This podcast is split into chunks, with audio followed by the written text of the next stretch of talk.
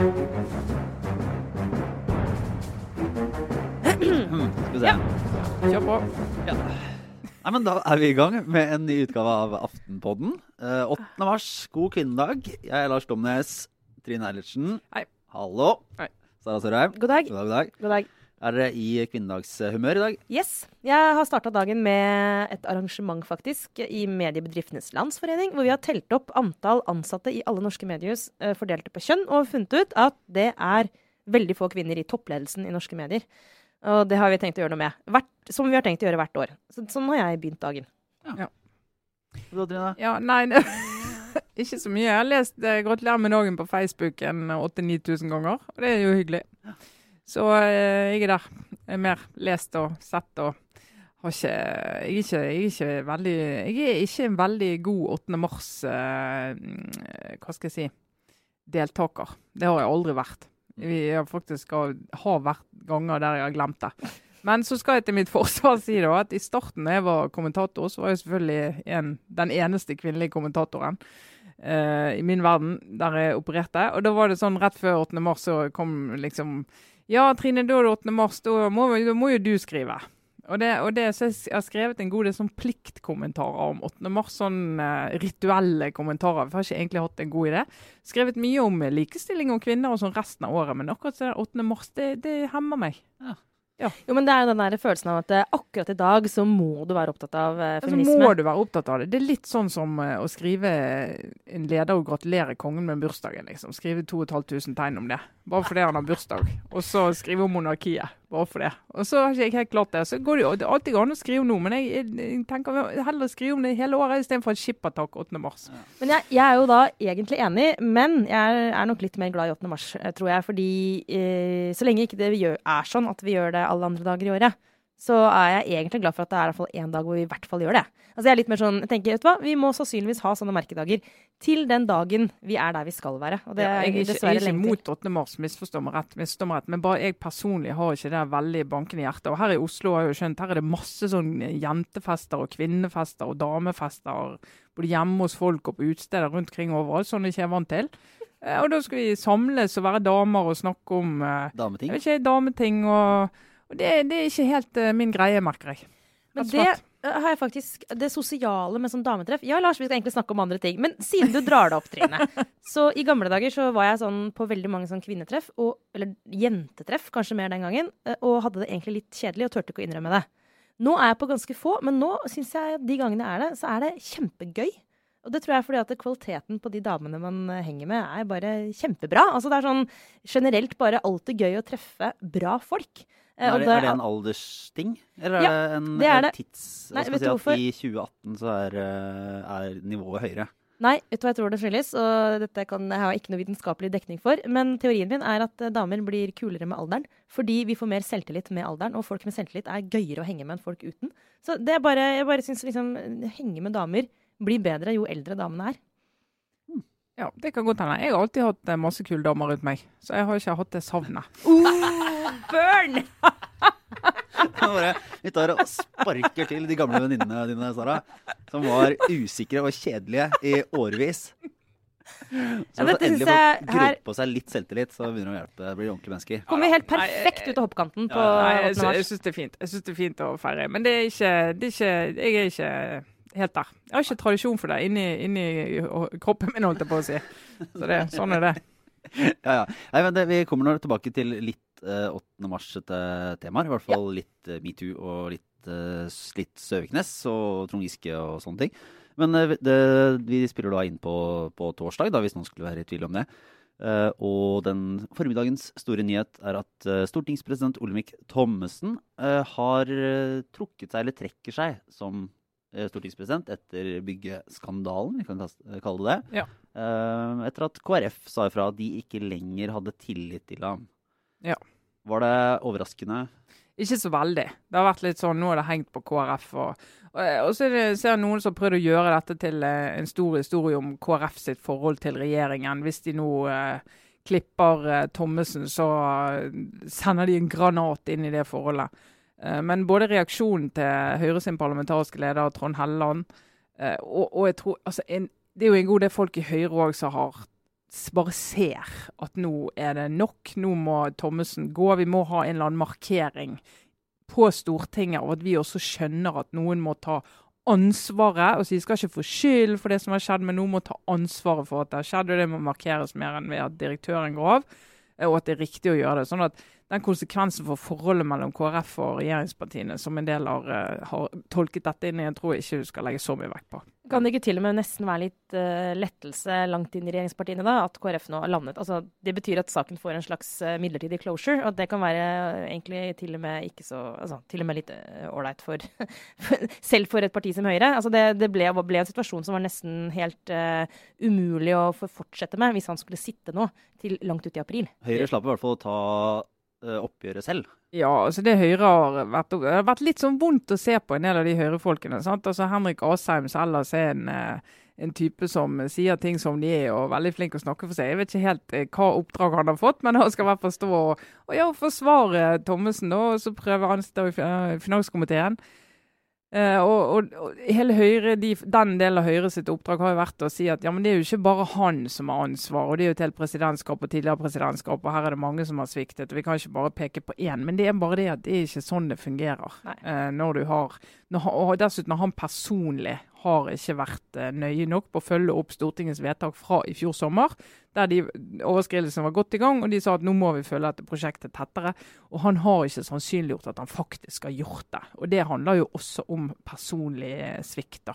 Mm. Eh, som Høyre ikke kan pakke inn i gamle presidentskap og mange partier og uh, greier. Uh, så nå, nå, tror jeg for Høyre sin del òg, så nå, det, må, det må, må, ta slutt, det her. Ja. Mm. Det er heldigvis ikke alle i det partiet som er liksom helt nødt til å balansere på den der dritsmale knivseggen hvor de både skal liksom gjøre alle til laks. da. Vi har jo et innlegg i, i dagens avis. Eh, ja. Eh, Mikael, Mikael Tetzschner har jo skrevet et uh, legendarisk innlegg, Høyre-representant Høyre selvfølgelig, som satt i kontrollkomiteen frem til i høst. Noen i utenrikskomiteen, men han har fulgt denne saken tett. Og han kommer jo si, fra Høyre og skriver et innlegg som er altså et sånn drepende oppgjør med det både presidentskapet og presidenten har holdt på med, for ikke å si ikke holdt på med, i disse årene. Og snakker egentlig om det er interessant, snakker om hvordan det at du liksom eh, tar lett på, på, institusjonens rolle, på formalia, på prosedyrer, på liksom å følge opp vedtak fra Stortinget, konkretisere de, følge de opp hvordan det faktisk er en måte å undergrave en viktig institusjon på. da. Uh, og setter det inn i større sammenheng, sammenligner med land som ikke har institusjoner å, å, snakke om, og sier det at uh, de kan vi godt reise rundt og lære ting til, men vi må se på vår egen måte å gjøre ting på òg. Det er bra med, for Apropos formalisme. Altså, det er jo øh, Det må nesten være sånn at øh, folk i sentrale roller i partier må forholde seg litt til at ok, nå har, vi, nå har vi lagt oss på en linje her. Men det er jo også noe veldig befriende med politikere som øh, er helt sånn frie for akkurat det hensynet, og som som, sier det de mener. Og for en sånn generell politikerforakt, så tror jeg det er et ganske sånn bra bolverk mot deler av det. da. At, den, at enkelte folk bare Nå dette mener jeg faktisk, helt uavhengig av konsekvensene. Men for at du kan innta den rollen, så må du vel også være litt sånn Uh, ikke så sentral. Og det, ja. det som må, må, være mulig å si om Michael Tetzschner, er jo at han er ikke helt inne i varmen i den indre kretsen rundt Erna Solberg. Uh, og han er en uh, altså fri sjel på den måten at han kan faktisk si det han mener om hva som helst, og være prinsipielt overfor hvem som helst, uten å være redd for kostnaden for, for karrieren i partiet eller liksom, i hva grad han liksom eh, For det er jo det er folk i Høyre som snakker om at rundt Erna Solberg så i, i tiltagende grad så er det viktig å bli likt av hun og de rundt hun for å liksom komme opp og frem. Uh, og, men det er ikke alle som er like opptatt av det. Altså Sånn blir det jo nødvendigvis når du har sittet som leder og statsminister og partileder i mange år. Så, liksom, så suges jo de som er opptatt av posisjon og karriere, suges jo inn mot den personen og den rollen. Uh, mens det er noen andre som av forskjellige grunner vet at det, det er ikke engang vits i. Uh, men, det, men, jeg tror faktisk at sånne politikere, litt sånn som Lundteigen òg, ja. uh, rollen han har i Senterpartiet, han kommer aldri til å bli statsråd. Uh, men han har en rolle der han kan stå og si OK, hva, hva tenker jeg som sånn genuin folkevalgt, da? Jeg er her på mandat fra folket. Ansvarlig overfor meg sjøl og selvfølgelig et program, da. Men uh, innenfor det spillerommet så kan jeg faktisk kritisere mine egne og kritisere mye mer fritt. Og det tror jeg faktisk er viktig for tilliten til politikerne. At du har sånn, og det som Michael Tetzschner skrev nå, det gjør mer for tilliten til Stortinget. Det, det bygger ikke opp alt som er blitt drevet ned i forbindelse med den saken, men det er et veldig viktig bidrag faktisk for folk tenker ja, OK, de er ikke helt inne i en sånn derre komiske Ali-virkelighet, der du later som om vi har ting på stell, som jo er ja. Det var jo til og med så det, hva skal de, det, det fikk jo fram et, et sjeldent uttrykk av entusiasme, også fra, fra ektefelle Kristin Clemet. Ja, det var bra. Altså det, sosiale medier er ganske irriterende eh, ofte, men innimellom så er det et utrolig gøyalt innblikk i hvordan folk har det. Jeg må si at eller hvordan de omtaler hverandre i offentligheten. Jeg syns Kristin Clemet og Michael Tetzschner de er jo, for de som ikke vet det, et par. Eh, det er jo et realt power couple. Uh, vært det i årevis i norsk politikk veldig morsom måte å Eller Kristin Clemet har en veldig sånn morsom måte å omtale Michael Tetzschner på, på, på Facebook. Jeg syns du skal ha honnør for, for de det. Jo, de er jo formalistiske også i den forstand at de, de driver ikke noe sånn vi-prosjekt. Eh, eller i hvert fall ikke, ikke utad. Eh, altså, jeg, jeg, er helt sikker på at de har et, en omforent eh, tanke om hvor verden burde gå. Men jeg tror ikke du kan se for deg Michael Tetzschner skrive på Facebook. Jeg vet ikke om han er på Facebook engang. Eller om han skriver Fina, heia, Kristin. hjerte, hjerte. alle vi kan være enige om at det er, er faktisk irriterende. Det fins jo noen par som er sånn som heier hverandre frem i offentligheten. Uh, som er sånn som Og det hater vi. Ja, nei, men altså, jeg bare innrømmer Har du blitt så flau? Ja, men det er irriterende. Jeg, jeg, vil påstå at det er objektivt irriterende. Det er ikke, det er ikke bare jeg som irriterer. Bare slår det fast. Ja, men, altså, sånn, det er, uh, men uh, la oss heller, i stedet for å baksnakke, la oss heller fremsnakke de som ikke gjør det. Sånne par som er Og her har vi et godt eksempel. Ja. Så uh, Kristin Clemet, hun, som hun åpner sin Facebook-post med å skrive Jeg pleier å være varsom med å dele noe fra denne mannen. hun har altså lagt ut Michael Tetzschners innlegg i dag. men som hun skriver, men hun er også en liten formalist. Og så skriver hun noe som jeg syns egentlig også Herregud, nå tar jeg meg selv og sitter og lese opp Kristin Clemets Facebook-oppdateringer. Men jeg gjør det likevel. Noen sa det var vanskelig å lage podkast. det er så lett. Nei, men hun skriver jeg tror mange undervurderer betydningen av formaliteter og god rolleforståelse for å bevare det gode samfunnet og demokratiet vi har. Og i jammen santen så tror jeg hun er inne på noe der. Altså det, det, der med, som jeg hata da jeg var ung og opprørsk. Altså alle disse systemene vi har, alle, alle, disse formelle reglene vi har for hvordan man skal oppføre seg i diverse roller, og egentlig bare hele sant, systemet som man i ganske mange år liksom driver og skal bekjempe og rase ned. Og så vokser man opp, og så innser man sånn Det er jo takket være det at vi egentlig Uh, det, er sånn, det er en forsikring mot at bare, ting bare går galt. Og at folk begynner å freestyle i store, viktige, sentrale posisjoner. Det vil vi jo ikke. Nei, du vil ikke de skal freestyle. Du vil ikke at de skal drive med uh, endeløs slendrian. Sant? Det blir så dyrt. Og så vil du ikke at de med makt skal bare kunne gå inn og påvirke, fordi at det ikke finnes regler og formaliteter som kan uh, gjøre at ting foregår noenlunde like prosesser for alle. Må ha litt byråkrati og litt formalisme. Skål for det. Jeg likte for øvrig siste setningen i den uh, statusen fra, fra, Clemet, der hun påpekte at det var skrevet noe mer snirklete enn hun selv ville formulert det. Men men aldri likevel, så liten evaluering ja, men der også. denne teksten likevel. Ja. Jeg har sett for meg, jeg sa det, det er et, et annet vennepar som er veldig ivrige nyhetslesere. Og det gjelder, eh, Jeg ser for meg samme konseptet med Michael Tetzschner og Kristin Clemet. Jeg vil ha et slags sånn Sofaen, vet du, programmet der man filmer folk som ja. ser på TV. Ja. Jeg vil ha det med dem, bare at de følger med på, eller som leser aviser og sosiale medier. Ja, og ser debatten på TV. Ser debatten på TV. Det vil jeg ha. Ok, Men hvem skulle vært med? Ok, Dette her mener jeg er et konsept som Det er kanskje smalt. Det er omtrent like smalt som oss. Men du kunne ja. kommet hjem i sofaen hjemme hos oss òg, faktisk. Ja, det, var, det jo, ja. jeg, jeg har jo to barn som er i ferd med å bli kommentatorer. Og fordi jeg er så skadet av foreldrene sine. Og du er gift med en politisk journalist, så der ja. er det jo hvem, ja. hvem, andre skulle vi hatt med? Jeg ville hatt med Hanne Skartveit og Gerhard Helskog, tror jeg. Ja. ja. Men her er, det, her er, det, jo et programkonsept. Jeg fatter ikke hvorfor ikke noen har kommet på det før. Nei. Vi må ikke snakke mer om det, så Nei, lager vi, vi det. jeg tror ikke vi kommer til å bli rike på dette, men uh, vi kan kanskje ha det gøy. Ja, men du, dette synes jeg var her. Nå er vi inne på et godt spor. Ja, vi Men vi uh, går vel videre til det som har vært Jeg vet ikke om vi skal si det har vært ukas store sak, men for mange var det en leseropplevelse og en slags politisk begivenhet. Eh, det begynner jo å bli noen dager siden, men eh, i Aftenposten og Bergens Tidende så fortalte da denne kvinnen fra Søviknes-saken, som det da har vært kjent som i, i 17-18 år, eh, måtte si historien om sitt liv etter den saken. Og, og det, det, føyer seg jo inn i egentlig hele den metoo-vinteren, og ga mange et nytt perspektiv, eller en, en et ny, ny innsikt i hvordan dette egentlig gikk for seg, og hvordan Mm. det var sett fra måte, i dette sammenhengen den offerets side, da, eller den, den svake parts side. Um, så lurer på, er det mange som har eh, kommentert og mange som har lest? uh, jeg vet ikke hva dere syns om det har endret det faktum i saken i noe særlig grad? Hvordan, hva, hva har det tilført den uh, Ja, men faktum, intervjuet? faktum i den saken er jo for så vidt eh, Det ligger jo der litt som en sånn Det er, det er ikke så stor uenighet egentlig om hva som egentlig skjedde. Altså det er jo, Terje Søviknes har egentlig vært, gått ganske langt i å si at ja, det det- altså Selve sånn hendelsesforløpet. Og så er det nyanser selvfølgelig i måten de forteller om det på. Eh, men det er ikke egentlig det som først og fremst endret seg med denne saken og denne historien som hun forteller. Men jeg må bare si at den eh, følelsen av at Eller erkjennelse er det. Erkjennelsen av at det har noe har endret seg så radikalt fra den gangen det skjedde. Og når man nå igjen liksom fikk den saken ordentlig presentert, ikke bare som Søviknes-saken, også ferdig med det, men faktisk gikk inn i det eh, på nytt med, fra hennes perspektiv, så ble jeg ganske sånn eh, Jeg kjente på en sånn helt eh, følelse av å bli ganske sånn oppbrakt over at ikke det ble tatt mer på alvor den gangen, og at man faktisk bare lot den saken passere i så stor grad som man gjorde. Og jeg håper det ikke ville skjedd nå, etter metoo. Men det, det var sånn øyeåpne for meg at det F.eks. at politiet så raskt eh, bare henla saken. Eh, så kan det godt hende at det ville skjedd uansett også i dag. Det, men men eh, at Terje Søviknes kom tilbake i politikken, er faktisk ikke det som mest sjokkerer meg mest, eller som har gjort mest sånn inntrykk på meg. Men det er egentlig bare den, det faktum at den 16 år gamle jenta ikke ble tatt mer på alvor den gangen. Det var det jeg satt igjen med som aller mest sånn jeg vil si opprørende etter å ha lest den saken nå.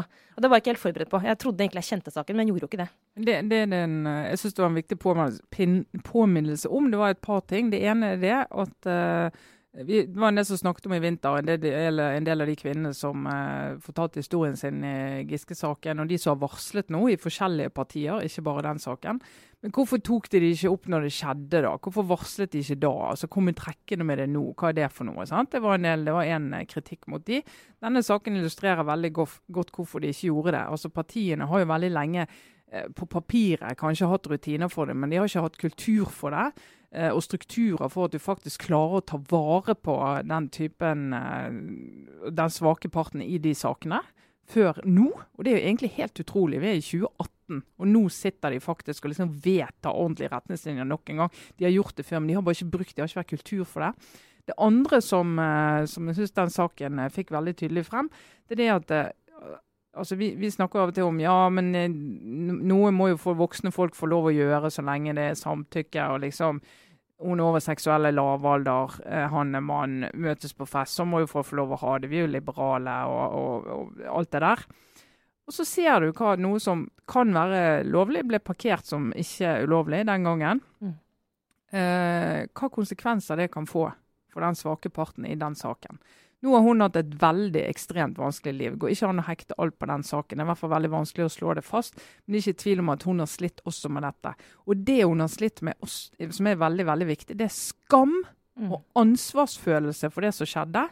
Og det vet vi at mange overgrepsofre føler på, voldtektsofre føler på, og også kvinner som er blitt utsatt for ulike grader av trakassering føler på. Mm. Og Som bidrar til at du ikke vil snakke om det.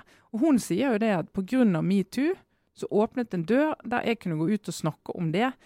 Og endelig føle på at jeg er ikke alene. Det var ikke mitt ansvar. Det var hans ansvar. Du, man kan si det til dem, men det å faktisk føle det inni seg Mm. Og hvor lang tid det tok for hun, og hvordan den kampanjen bidro til det, syns jeg faktisk er interessant. Mm. Jeg tror det med skamfølelsen er Det, det er jo vanskelig å måle, men det må vel kanskje være den viktigste effekten av metoo. Det er jo at den skamfølelsen blir mindre, eller kanskje til og med borte. Mm. Eh, og det å gå frem og stå frem med en sånn historie er jo veldig forbundet med skam. Og når du ser hva som skjedde den natta, ifølge henne også eh, altså hvordan partiet reagerte, at hun skal ha hatt sex med en annen eh, person i Eller det ordet er vanskelig, nå merket jeg blir litt sånn Hva man skal kalle disse her altså Det samkvemmet, da. Men at hun som en så ung jente eh, ble så eh, Jeg vil nesten si kynisk møtt, eller eh, fikk så lite hjelp. Eh, en organisasjon som ikke klarte å ta vare på henne. Det er liksom smertefullt rett og slett å tenke på, og det er helt sikkert ikke den eneste. Dette er kanskje den mest kjente saken, men dette er, antar jeg, bare én av veldig veldig mange. Så ja, det, så det, viste seg jo at det var jo, ja, det var jo da en annen mann sam, den samme, samme, kvelden, egentlig, og som, som også har hatt en, en, relativt sentral posisjon i Fremskrittspartiet, og som aldri tilsynelatende det har vært noen Det fikk aldri noen konsekvenser i seg selv, det faktum Nei. Og det vil jo ikke Siv Jensen svare på. Nei, når hun har visst om dette her. Når når, for hun bekreftet jo at hun har visst om det, at det var en til. Eh, hun vil ikke svare på når hun fikk vite det. Eh, og dette er jo en som har hatt en, hatt en karriere i, i Frp. da. Mm. Så var det jo interessant å lese, nå husker jeg ikke navnet på, på vedkommende, det var en tekst i Klassekampen fra en, altså en tidligere politisk journalist i Bergens Tidende, mm. som fortalte om hvordan dette ble møtt fra redaksjonens side den gang. Uh, og man kan jo se litt mer forståelse for, for både den skamfølelsen og uh, hvordan det ble håndtert da, da, han forteller om hvordan de gikk til redaksjonsledelsen. Og OK, vi har historien her. Uh, Terje Søviknes skal ha sex med en 16-åring beruset ved denne anledningen. Og fikk det svaret som jeg tror eh, mange på, har fått i redaksjoner, og, og, som ofte kan være en riktig refleks i norsk presse. da. Når det er sånn, nei, men dette er en privatsak. Og da var det sånn Det er to, to stykker over seksuell lavalder. Hva de gjør i sitt privatliv. Han er gift, greit nok. Eh, det skal ikke vi blande oss inn i. Mm. Ja, du var, var, ikke du i BT da? Jo, jeg, jeg var i BT da. Jeg var akkurat eh, ansatt. Gunnar Widerstrøm eh, var politisk eh, journalist, og Marianne Røsland, og de jobbet med den saken. og Det var han, han som skrev i Klassekampen, han jobber der nå. Eh, og det, Jeg husker jo den diskusjonen. Jeg var ikke redaktør da, men eh, jeg husker jo diskusjonen om at liksom vi har denne saken, men da, det landet på at vi ikke skulle publisere den. Uh, og saken kom opp igjen fordi Katrin Rustøen gikk på talen uh, på et Frp-møte og sa det at uh, jeg har blitt voldtatt av en sentral tillitsvalgt i Frp. Og Det kom jo som en bombe. Og det har skjedd med flere, sa hun. Mm. Og Da var det umulig å ikke gå inn i det, for hun hadde sagt det fra en offentlig talerstol.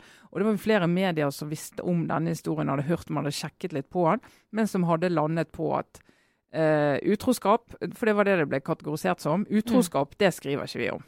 Og det gjør vi ikke. Altså, vi skriver ikke om at folk er utro, men så er, var det liksom neste steg. Ja, men er dette egentlig en utroskapshistorie, eller er det noe annet? Og det, Vi var ikke der da. Og det, mm. så, og det er flere saker vi ikke har gått inn i på det grunnlaget at det gjør vi ikke.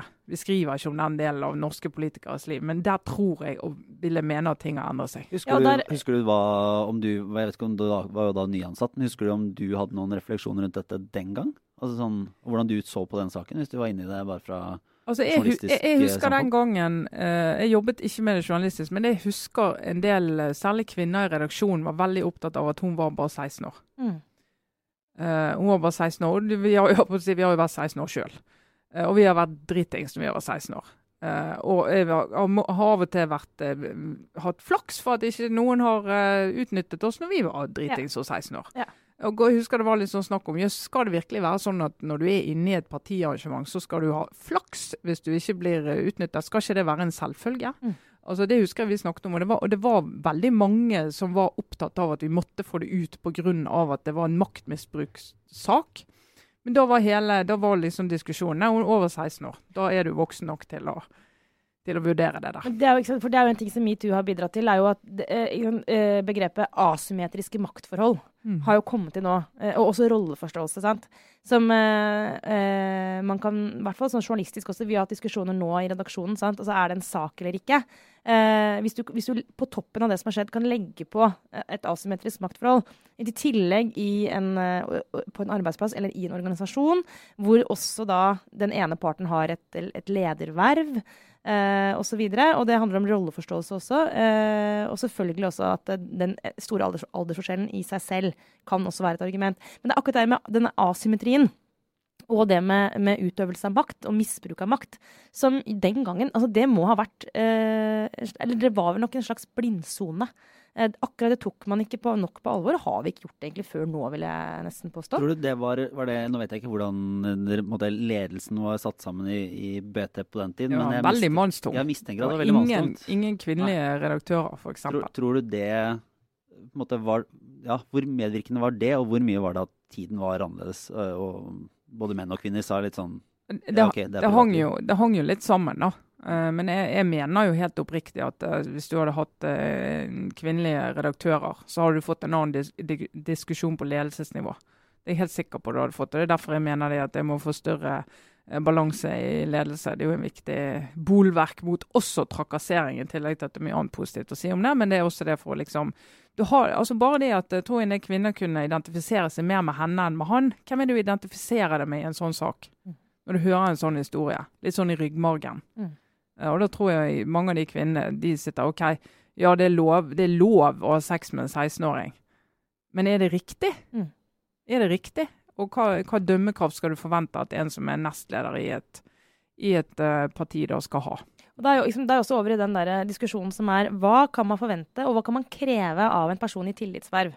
Uh, og hva, hva, er det, hva, er det, man kan tenke at uh, alle mennesker kan gjøre feil, uh, og, du må også få lov til å bli tilgitt? Og hvor går den grensen som er at nei, hvis du har gjort dette, så greit nok, du har ikke brutt loven, men du har brutt en annen grense som ikke lenger gjør deg Eh, på en måte, Du er ikke lenger riktig person til å ha, inneha dette tillitsvervet, som jo er en helt sånn spesiell rolle, egentlig, som ikke er juridisk bestemt, men som er sånn du snakker på vegne av andre. Du skal representere andre mennesker. Da må det være et minstemål, et slags sånn krav til. Eh, også en sånn type etisk og moralsk eh, hva skal jeg si for noe, si, livsførsel.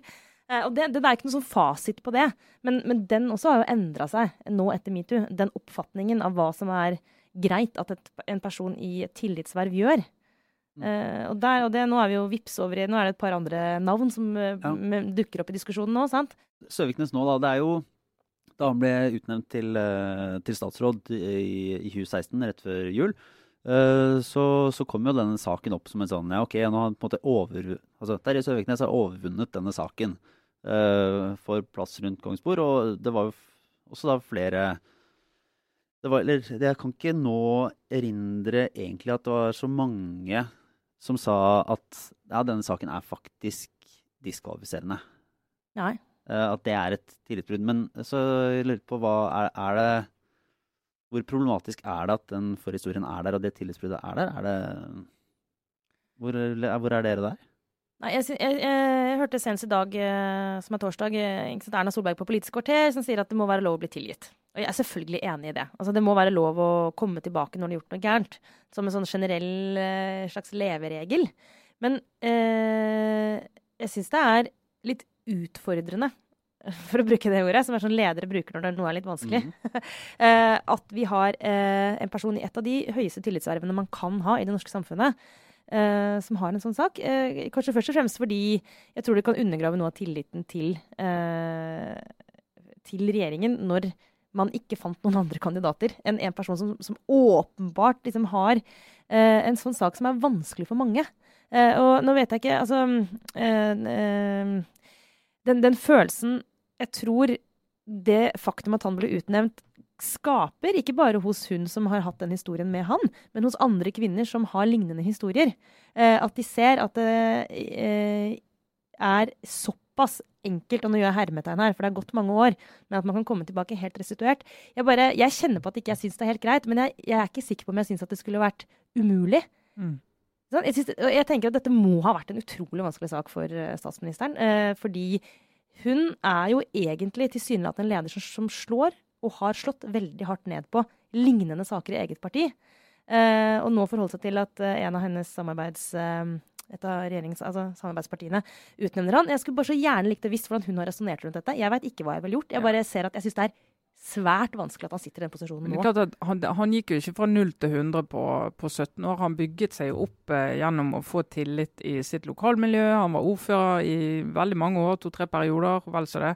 Eh, og ble gjenvalgt og gjenvalgt og hadde veldig stor oppslutning. Os eh, Frp har jo vært sånn helt der oppe blant de populære lokallagene i Norge. Eh, og han har vært en populær ordfører. Han har fått, stadig, han har fått nye oppgaver i Frp. Selv om han mistet alle sentrale verv den gangen, så har han fått nye oppgaver og ny tillit i Frp. Ja, han er jo en flink politiker, rett og slett. Sånn at partiet og velgerne til partiet sier det. Vi har tillit til han på tross av denne saken. Uh, og Når da regjeringsdiskusjonen kommer, så er egentlig løpet kjørt. Altså, Erna Solberg kan legge ned veto, det kan hun gjøre. Eh, men det er utrolig sjelden at en statsminister gjør det i en samarbeidsregjering. Det er jo ja. det partiet som kommer med sine folk og sier at dette er en av våre tillitsvalgte. som er vårt, uh, vår mann til den posisjonen.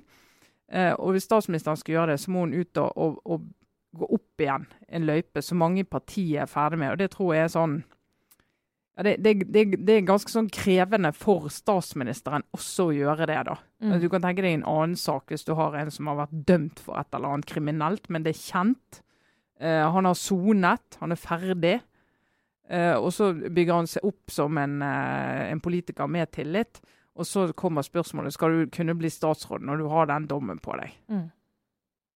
Så, så da tror jeg mange vil tenke at ja, når du har gjort den, du har gått hele hele løypen. da. Ja, du, egentlig så skulle den diskusjonen vært tatt lenge, mye lenger ned i den løypa. Altså, øh, I det øyeblikket han egentlig fikk begynne øh, å jobbe seg tilbake igjen, så var egentlig for så vidt den diskusjonen over, da. Ja, og det som er litt Ja. interessant med det, er jo at det skjedde jo, som vi nettopp snakket om, i en litt annen tid. Der den type ting ble mer bagatellisert enn det blir nå. Mm. Og der det var litt sånn, hvis du går ut og sier 'unnskyld, jeg angrer veldig på det', og du er ikke dømt, så skal du være ferdig med det. Men- Men så er det klart at for en del så er det ikke. Men sånn kort så mener jeg at det er på en måte Siden du da øh, betalt for å mene ting, og så Ja, jeg merket Det her syns jeg var utrolig vanskelig å svare Ja. på. Ja, for er, det, er, det på en måte, er det riktig eller galt at han da altså, sitter som statsråd? Nei, altså, jeg, jeg syns jo, det- jo det er riktig at han kan sitte som statsråd, men det jeg kjenner, det jeg kjenner på, da, det er jo den der eh, så si kollektiv behovet for at vi har kjent historien til jentene og kjent til mye mer om det som har, har skjedd da han skulle begynne å bygge opp tillit igjen. sant? Eh, men når han er der han er altså Jeg mener jo, altså, jeg mener jo Trond Giske skal, så han skal få lov å komme tilbake, men det handler liksom om hvordan begynner du møysommelig å bygge opp den tilliten? sant? Trond Giske er jo Hvis øh, krefter i, i Trondheim Arbeiderparti og Trøndelag får det som de vil, så er det jo raka veien. Det var jo et forslag nå om at han skulle inn som nestleder i nye Trøndelag Arbeiderparti. Arbeiderparti. Trøndelag Ap. Mm. Ja, fordi Og at da, dermed kunne få seg en plass i landsstyret. ja. Så har han jo en plass i landsstyret fordi han er stortingsrepresentant, men han har ikke stemmerett, så vidt jeg har forstått. Men han har jo møterett og kan sitte der. Mm. Eh, Men hvis han kommer inn som en av to fra fylkeslaget, så er han mye mer, da har han mye mer makt i landsstyret enn, enn han har nå. Eh, Så må vi jo se hva det som tidligere var Nord-Trøndelag Arbeiderparti syns om det, for dette var jo ikke utgangspunktet Og Jonas Gahr Støre sa jo øh, via VG at han mente dette var for tidlig. Ja, for tidlig, og Da kan det skje to ting. En er at folk tenker ja, det er akkurat det samme jeg har tenkt, så det kommer ikke til å skje. Eller de tenker så må ikke du komme her fra Oslo og prøve å overstyre oss en gang til, og så skjærer det Altså, helt ut. I absolutt alle vanskelige saker i Norge så er det også et element av sånn by mot land eller distrikts- eller regionskrangel. Eh, og da må man jo til slutt velge i, Trøndelag da, om man skal forholde seg til den konflikten Nord-Sør-Trøndelag, eller om man skal samle troppene der oppe og heller forholde seg til konflikten Trøndelag-Oslo. Mm. Eh, For der er det jo bare å velge og vrake i kranglinger. Men øh, øh, og Støre har vel ikke formelt egentlig muligheten til å Nei, nei, overstyre han har ikke det. Han har ikke det. Og det er derfor han har vært Han har ikke hatt lyst til å svare på det. Nei. Og så svarer han til VG, som slår fast at det, det er det han sier, og det har de grunnlag for å gjøre. Uh, men jeg bare, bare si én ting til om denne Søviknes-saken. For det er hun jenten har søkt voldsoffererstatning. Er sånn sivilt uh, søksmål, egentlig, for å få det. Der, fordi hun mener seg voldtatt. Og hvis hun får gjennomslag for det, så mener jeg det endrer saken. da. Ja. Sånt. Fordi det er en gjennomgang av, ny gjennomgang av faktum? Ja, og de mener etterforskningen var for dårlig. Ja. Og de mener at politiet la for liten vekt på at forklaringene var helt ulike. Politiet begrunnet jo henleggelsen med den gangen at forklaringene, forklaringene var noenlunde samsvarende. Uh, og henla det som intet straffbart forhold, som er en veldig sterk henleggelse. Det- Da henlegger du ikke på bevisestilling, Mm. uh, som egentlig åpner for at det kan være noe her, men vi klarer ikke å bevise det. Du sier at det har ikke skjedd noe. Det er egentlig eh, det samme ikke- som en frifinnelse, sånn praktisk sett. ja, og Ja. det mener de at det, etterforskningen var for dårlig eh, til å kunne ende på en sånn konklusjon, så det skal jo vurderes. da, Så den saken er jo ikke over. Og Det er jo litt av knaggen og grunnen til at vi skrev om det nå. Jeg syns jo bare også at han eh, Terje Søviknes sa noe interessant i intervjuet vi gjorde med han i forbindelse med denne saken nå. At uh, han erkjente i det intervjuet at, eh, at uh, hensynet til denne uh, kvinnen eh, Altså dette enkeltmennesket ble litt borte. Eller empatien for henne var ikke det ordet han brukte, altså, men liksom forståelsen for henne ble litt sånn borte på det tidspunktet det skjedde, fordi partiet sto i en veldig tøff maktkamp. Jeg opplevde ikke at det han sa var en unnskyldning, men, men at det var en reell forklaring. At han og partiledelsen var veldig opptatt av den maktkampen som, som da foregikk i partiet. Og at de så denne saken i lys av å være en del av en maktkamp. Eh, og det mener jeg, det er jo parallelt til Giske-saken. Ikke handlingen, uh, saken i seg selv, men den derre uh, diskusjonen rundt uh, Diskuterer vi de handlingene som har blitt begått, og konsekvensen av dem, sånn isolert, eller er dette egentlig en maktkamp hvor vi bruker de handlingene til å eh, f.eks. bli kvitt eh, en person du ønsker å få ut av ledelsen. ikke sant? Og den, eh, det ståstedet du har der, avgjør jo i veldig stor grad hvordan du vurderer sakene. I Arbeiderpartiet, De som ser dette som en maktkamp, har hatt en tendens hele veien til å mene at det Trond Giske har gjort, har vært mindre ille enn de som har sett det som en ren sånn metoo-sak. Eh, og, og som, det tror jeg er en ganske sånn det, det virket ganske logisk på meg når han sa det, at eh, det er ikke bare den grunnen til at hun ble dårlig behandla, men at det også var et element den gangen. Og hun ble helt borte i den saken. Mm. Og det er jo helt forferdelig, sant? Altså, det, hennes liv gikk i grus. Sikkert ikke bare derfor, men det var liksom bare ikke et tema. Men det er utrolig, og det merker jeg, jeg har ikke tenkt på i det hele tatt, det hun forteller om at hver gang den saken har blitt nevnt, så har jo det rammet hun. Mhm. Hver gang den blitt nevnt i en eh, i avissak, i et kommentarfelt, et eller annet sted, så er det rammet av hun sier at det er jo såpass mange som vet hvem det er, og det er jo derfor liksom tittelen på saken eh, hun, Den jenten, Mm. eller hun jenta, som vi sier her. Jeg strever veldig med å ha Aftenpostens rettskrivningsnorm på det der. Eh, men uh, altså, du er hun jenten som lå med Terje Søviknes. Altså, å, å liksom være det, og hvis du, er, hvis du har mye annet å tenke på, på å si, og så ha det oppå der, Mm. og at du på en måte blir rippet opp i det hver gang han er på TV, egentlig. Hver gang han er i en debatt, så skal du sitte og, og tenke på det, og det er litt av behovet hun har nå for å fortelle om det. Eh, men det er interessant altså, å se på reaksjonene vi har fått. Det, har fått, det er jo mange som mente at det var riktig å fortelle den historien, men også de som mener at den skulle vi aldri ha fortalt.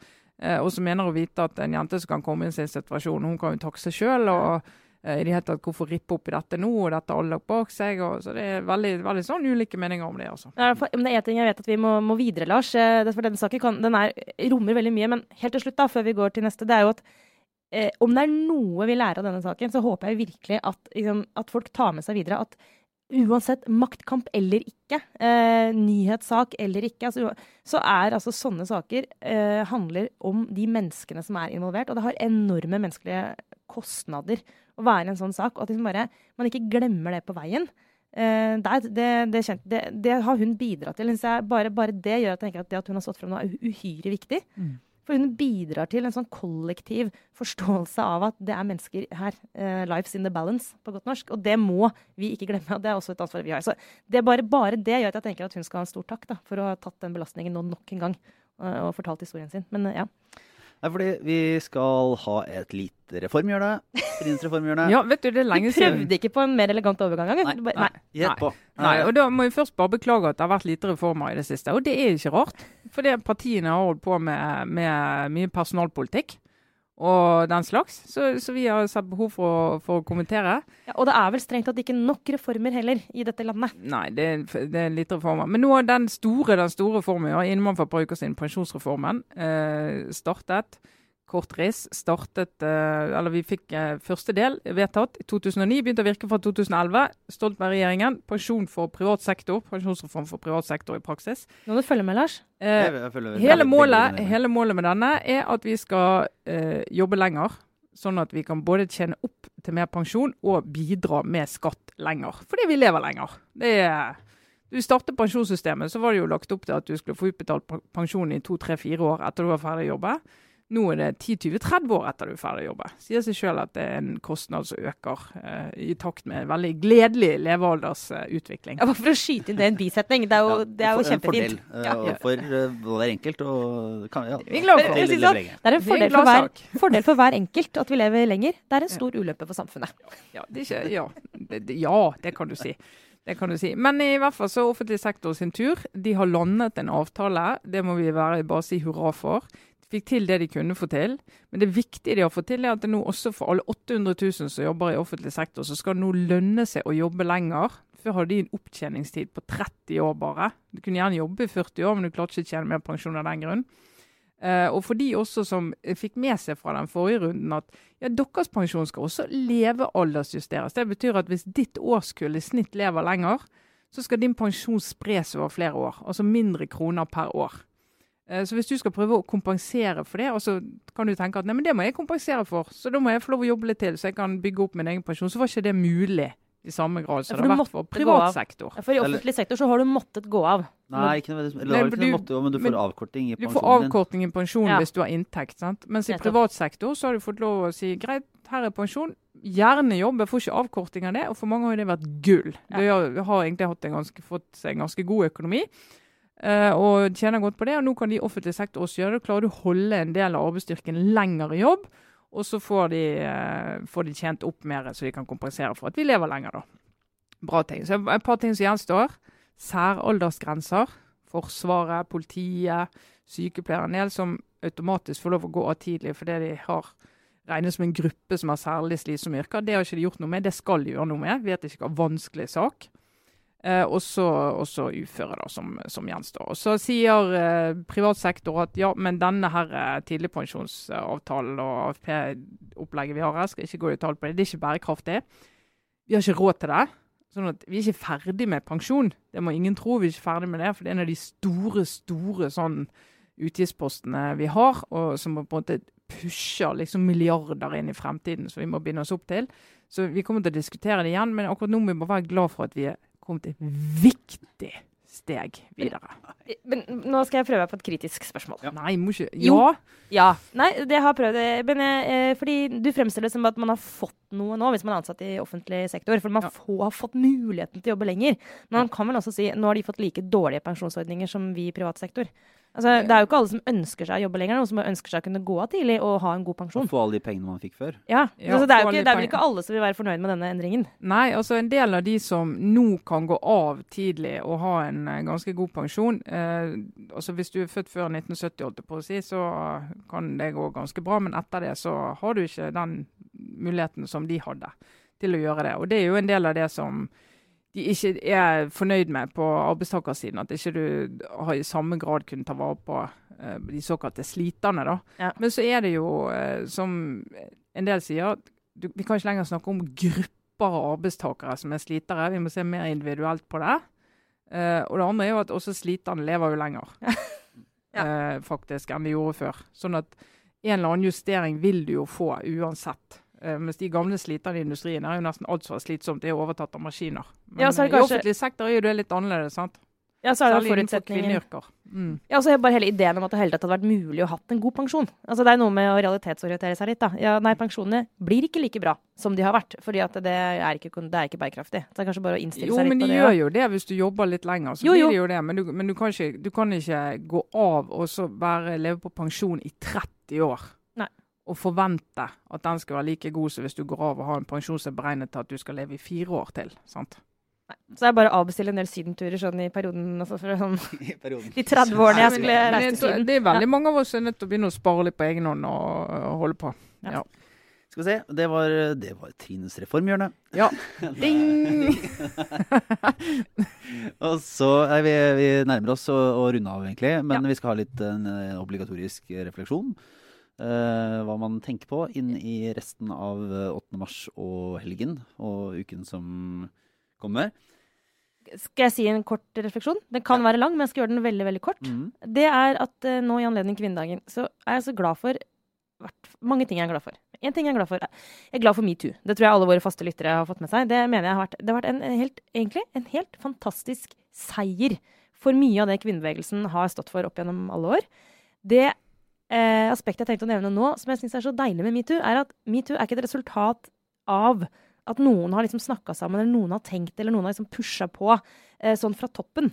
Metoo har, sånn, så, vidt jeg kan se det, kommet som en konsekvens av likestillingen, fordi vi kom til et sånn slags sånn K-punkt, hvor mange nok kvinner har eh, vært i arbeidslivet lenge nok, eh, og har også fått nok selvtillit og kommet i posisjoner hvor de har nok mulighet til å gå ut til offentligheten. Altså, det var bare mange faktorer som sto plutselig bra plassert ved siden av hverandre, som gjorde at det presset seg frem nedenfra og opp en reaksjon. Eh, ikke bare i Norge, men internasjonalt. Eh, hvor det plutselig ble sånn, vet du hva, dette går ikke lenger. Og så sa de jammen stopp. Og det, jeg, og det betyr at jeg faktisk tror at dette er noe som kan vare.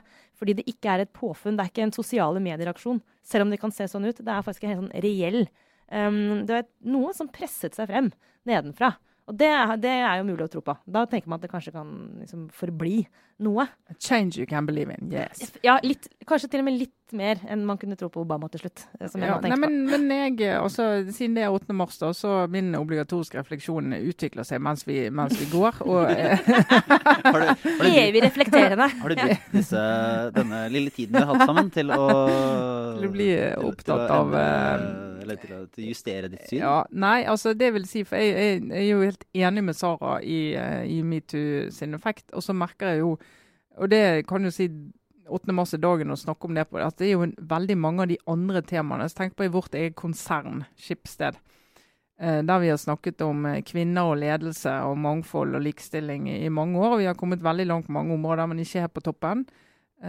Og da syns jo jeg at det er litt forstemmende at du er nødt til å ha en, en sak som seksuell trakassering som faktisk setter toppledelsen i forlegenhet. At det er først da du åpner øynene og skjønner at dette er en problemstilling som handler om mer enn at du har en kollega som ikke klarer å styre seg på jobb. Det handler også om hvordan hele organisasjonen er satt sammen, og, eh, og hvordan folk blir sett på.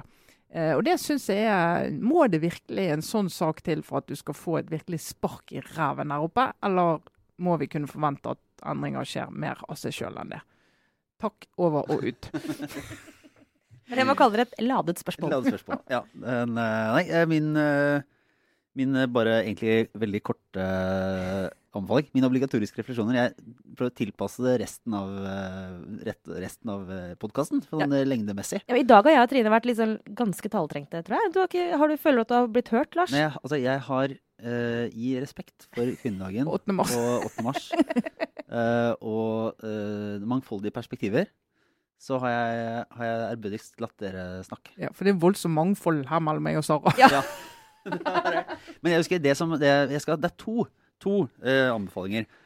som to er begge podkastanbefalinger. Uh, den ene er veldig tydelig, for det er The Onion, satirenettstedet, som har lagd en eh, true crime-podkast-satire som heter A Very Fatal Murder. Som, eh, som jeg hørte første episode av i går, og som er veldig morsom. Og som gjør det litt vanskelig å høre nye eh, true crime-ting er etterpå. Ja, men mulig, de tar, tar de nå livet av True Crime-podkasten? Jeg vet ikke, men det, det hever det, det gjør i hvert fall at uh, klisjeene blir veldig tydelige. Og, Ja. og det kommer til å skjerpe kravene til de som lager true fremover, for å ikke falle i den, liksom, den grøfta. da. Eh, Det er bra. Så, så var noen, og det er ikke til forklaringsfull, men var noen jeg hørte første episode av eh, ubåtsaken som NRK har laget, og den To hvite menn. Uh, som også NRK har laget. Uh, og det, er nok, det fins ting i de podkastene som det spilles på i Anjen sin. Det andre var bare jeg, Nå klarer jeg ikke å huske nøyaktig, men det var en, altså, faktisk en Aftenpodden-utgave som har vært på, eller veldig nær 8. mars fra et par år siden, for nå har vi holdt på så fryktelig, fryktelig lenge, der dere diskuterte sånn kjempemye. Og det ble nesten litt sånn, ikke akkurat dårlig stemning, men sånn, sånn høyt, høyt spenningsnivå. Mellom meg og Trine? Ja. Så jeg tror hvis man bare søker seg tilbake i arkivet og finner, en, uh, finner det vi har av eh, 8. mars-utgaver, så er det en, det er en, eh, Altså, en på- veldig, veldig god diskusjon. Jeg husker det vagt, jeg husker ikke temaet. Ikke ærlig. Altså, en ting vi har til felles, da kan vi røpe, er at både jeg og Trine har tendens til innimellom google ting, f.eks. når vi skal skrive en kommentar, og så opp- finner vi en kommentar om noe av det samme temaet som vi syns er veldig god, og så oppdager vi litt sent at eh, vi har skrevet den selv. Ja. Bare at vi har glemt det. Så dette, er, dette her er en sånn gjentakende historie. ikke nytt. Er ikke nytt. Gå opp en gang til. Og, Ja da. Så nei, altså det anbefaler å gå tilbake i arkivet. Og hvis, man, hvis man skulle ha, vil ha mer stoff på 8. Og så vil jeg bare si, ja, altså jeg takke alle de som gikk inn på Facebook-siden vår, for der la vi ut en liten sånn eh, en eh, spørreundersøkelse Ja. eh, i forbindelse med en tilbakemelding forrige uke om at det var litt mye barneprat. Ja. Uh, og så så er det sånn, vi tar jo alle sånne tilbakemeldinger måte, Vi tar det på alvor. Og så Vi tar det veldig personlig. Ja, ja, det er personlig. Og så vurderer vi det, og så, og så gjør vi egentlig mest som vi selv vil, men vi hører på det som kommer, da. Så, så for all del kommer med innspill. Jo, men det er ikke derfor vi ikke har snakka om barn i dag. For det har vi faktisk ikke. Men det er ikke av egentlig at For flertallet i undersøkelsen var jo Ja, for 65 eh, ville ha Ikke nødvendigvis mer barneprat enn det vi har hatt, men eh, de vil ha fortsatt. Og så var det 35 da, som mente at nei, nå er det, det er egentlig nok. Nå må dere, nå, nå må dere Ja. slutte. Ja, så vi får begynne å nisje podkasten litt. Vi, har en, vi prøver å ha en uh, balanse, i hvert fall. Ja. Men uh, med det så takker vi vel for oss for denne uken. Ja. Tilbake neste uke. Nye spennende ting. Ja. Er det ikke på. påske snart nå? Nei, En uke Lenge til. til. Lenge til. Ah. Ja ja, ok, men Aftenposten er gøy, så det gleder vi oss til. Ja. så er altså, jeg har jo tatt avbrutt friuken min for å være her i dag. Å, takk, Lars. Men, Ja. Du gjør et arbeidsdag for en gangs skyld, du òg. Ja, du gjør det hver fjerde uke, da. Så det er ikke så Uff. Ja, nei, men da takker vi for oss. Trine Eilertsen, Sara Sørheim, jeg er Lars Lomnes. Ha det bra.